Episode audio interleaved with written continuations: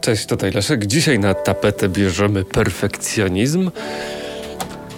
I w ramach tego perfekcjonizmu ten podcast nie będzie perfekcyjny, ponieważ podczas jego nagrywania przemieszczał się po, y, po moim biurze, w którym sobie urzęduję. To jest chociażby taki bardzo prosty przykład. Nie zawsze wszystko musi być idealnie i czasami mm, dążenie do perfekcji jest tak obciążające, że tak naprawdę przesłania nam sens naszego życia albo radość z życia, bo nie potrafimy się cieszyć z tego, że przejechaliśmy 90 km, bo 100 dużo lepiej by wyglądało.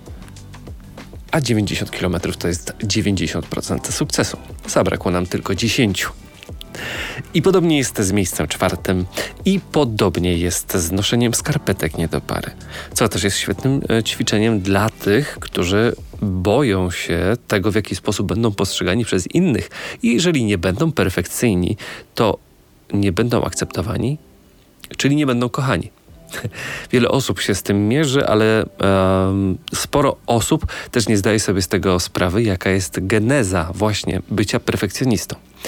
I um, w jaki sposób ja jestem w stanie znaleźć wspólny mianownik e, do sportu, czy ogółem wyglądu bądź pracy, e, życia osobistego. E, wydaje mi się, że właśnie w tym miejscu, w sporcie, um, bardzo często perfekcjoniści mają podgórkę. E, dlaczego? Ponieważ sam jestem perfekcjonistą, ale y, takim, który już e, osiągnął pierwszy sukces, zdałem sobie z tego sprawę, że tak jest. Mówiąc to, patrzę na ułożone skarpetki, które widzę, że też nie są idealnie, tak jak należy. I być może za chwilę nawet to poprawię. Ale z y, drugiego punktu y, widzenia, chociażby waszego, nie będzie to miało aż tak dużego znaczenia, czy u mnie tutaj na miejscu faktycznie równo te skarpetki są poukładane, bo dużo istotniejsze dla was będzie to, jaka jest ich jakość. I czasami niektóre detale będące tymi 10% czy też 5% warto jest zignorować po to, żeby wykonać kolejne zadanie na 90% może 95 czasem się uda. Ale żeby iść dalej. E, bo czasami tak jest chociażby z osobami, które zajmą czwartą pozycję na jakichś zawodach, gdzie mówi się, że jest to najgorsza lokata. Owszem, patrząc z punktu widzenia a, m, takiej rodzicielskiej, szkolnej interpretacji naszych ocen, to podobnie mogłoby być i z czwórką z plusem. Dlaczego nie piątka? Czwórka z plusem też jest dobra, tylko trzeba umieć to docenić. I trzeba też zdawać sobie z tego sprawę, że nie zawsze musi być wszystko idealnie. Bez względu na to, czy ten brak perfekcji to jest wynik mm, braku sił, braku umiejętności, braku formy, czy też gorszego dnia. I wydaje mi się, że każdy ma y, do tego prawo, żeby właśnie nie był idealny, y, ponieważ nie każdy z nas taki jest. Ba, zaryzykowałbym stwierdzenie, że nikt nie jest idealny. I często my, patrząc na innych, podświadomie mówimy sobie, że ci inni są lepsi. Nieprawda. Każdy z nas jest bardzo podobny. A to, że my innych uważamy za lepszych, to jest wynik tego, że my siebie uważamy za gorszych. I wydaje mi się, że najfajniej, najfajniej jest po prostu znaleźć sobie taki zdrowy balans. Ja się też musiałem nauczyć pewne rzeczy olewać, przez co po prostu jestem szczęśliwszy. Nie myliłbym tego oczywiście z brakiem odpowiedzialności, bo to już jest przeginanie w drugą stronę. Stąd właśnie podkreślam słowo balans. Rozwijajmy się, um, dążmy do tego, żeby być coraz lepszymi, ale nie po trupach nie kosztem tego, że nie będziemy spać po nocach, e, tylko e, i wyłącznie dlatego, bo zajęliśmy gorszą pozycję, albo tylko i wyłącznie z tego względu, że mamy gorszą sylwetkę albo rozstępy na pośladkach. Bo to nie są rzeczy, które z punktu widzenia tego, jak jesteśmy odbierani przez innych, mogą mieć jakieś znaczenie. I bardzo podobnie jest z kompleksami. Kompleksy też w dużej mierze wynikają z perfekcjonizmu, bo nie dostrzegamy piękna w sobie tylko zwracamy uwagę na te pewne niedoskonałości, które zazwyczaj widzimy tylko my, a inni dopiero jak im powiemy, z czym się mierzymy. I to też jest rzecz, której przez cały czas się uczę. Ja nie zawsze muszę być perfekcyjny. Nie zawsze wszystko musi być idealnie. I łapię się na tym bardzo często i wydaje mi się, że to jest właśnie ta taka droga do um, autoterapii, jeżeli chodzi właśnie o leczenie się z takiego chorobliwego perfekcjonizmu, stawianie małych kroczków. Delikatne wychodzenie poza strefę tego komfortu. Patrzenie na rzeczy, które nie są symetrycznie ustawione wokół naszego telewizora albo w kuchni. To jest oduczanie się perfekcjonizmu. I um, właśnie taką oznaką tego e, perfekcjonizmu, chociażby u mnie, czy też u innych, u innych osób, z czego się często śmieję, to jest chociażby to dokręcanie kilometrów czy metrów na, na biegu albo, albo na rowerze, bo ja chcę mieć równe 50 albo, albo równe 5 przebiegnięte, a nie 4,97, bo akurat tak dzisiaj y, mi wyszło. Nie. to wydaje mi się też nie jest konieczne i dumny jestem z siebie, jeżeli ta pokusa okazuje się być um, no, nie aż tak stanowcza, że jej, um, że jej ulegnę.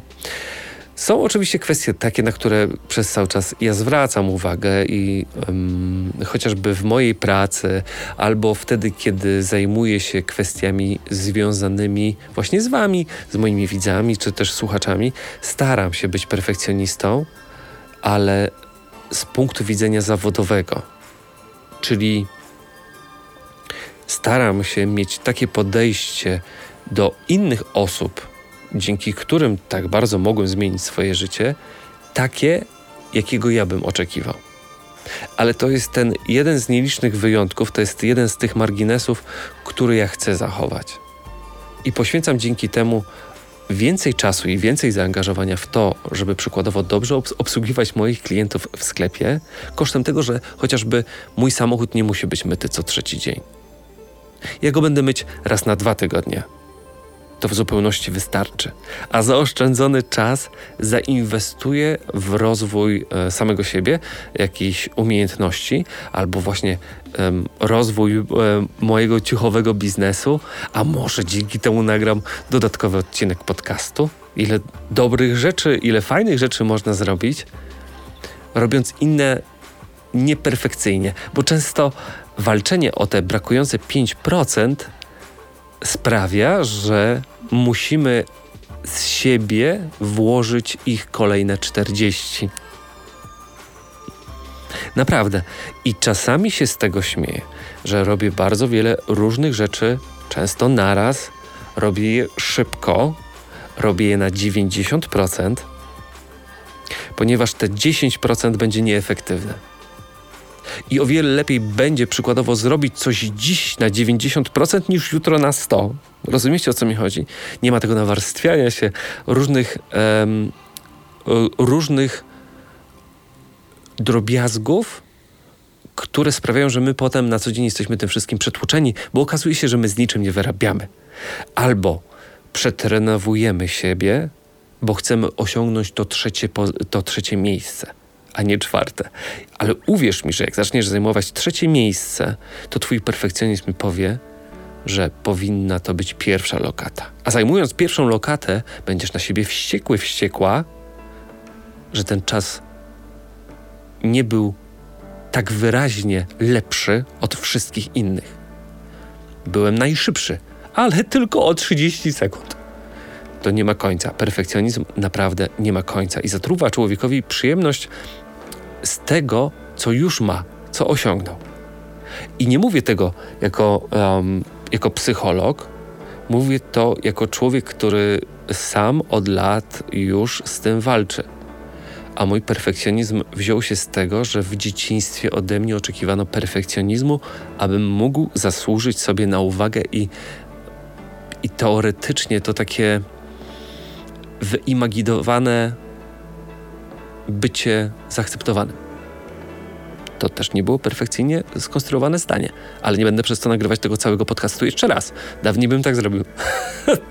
to są takie przykłady, które jeżeli nauczymy się wyłapywać u nas samych, to okaże się, że po pół roku czy po sześciu nasze podejście do wielu różnych spraw będzie bardziej wyważone.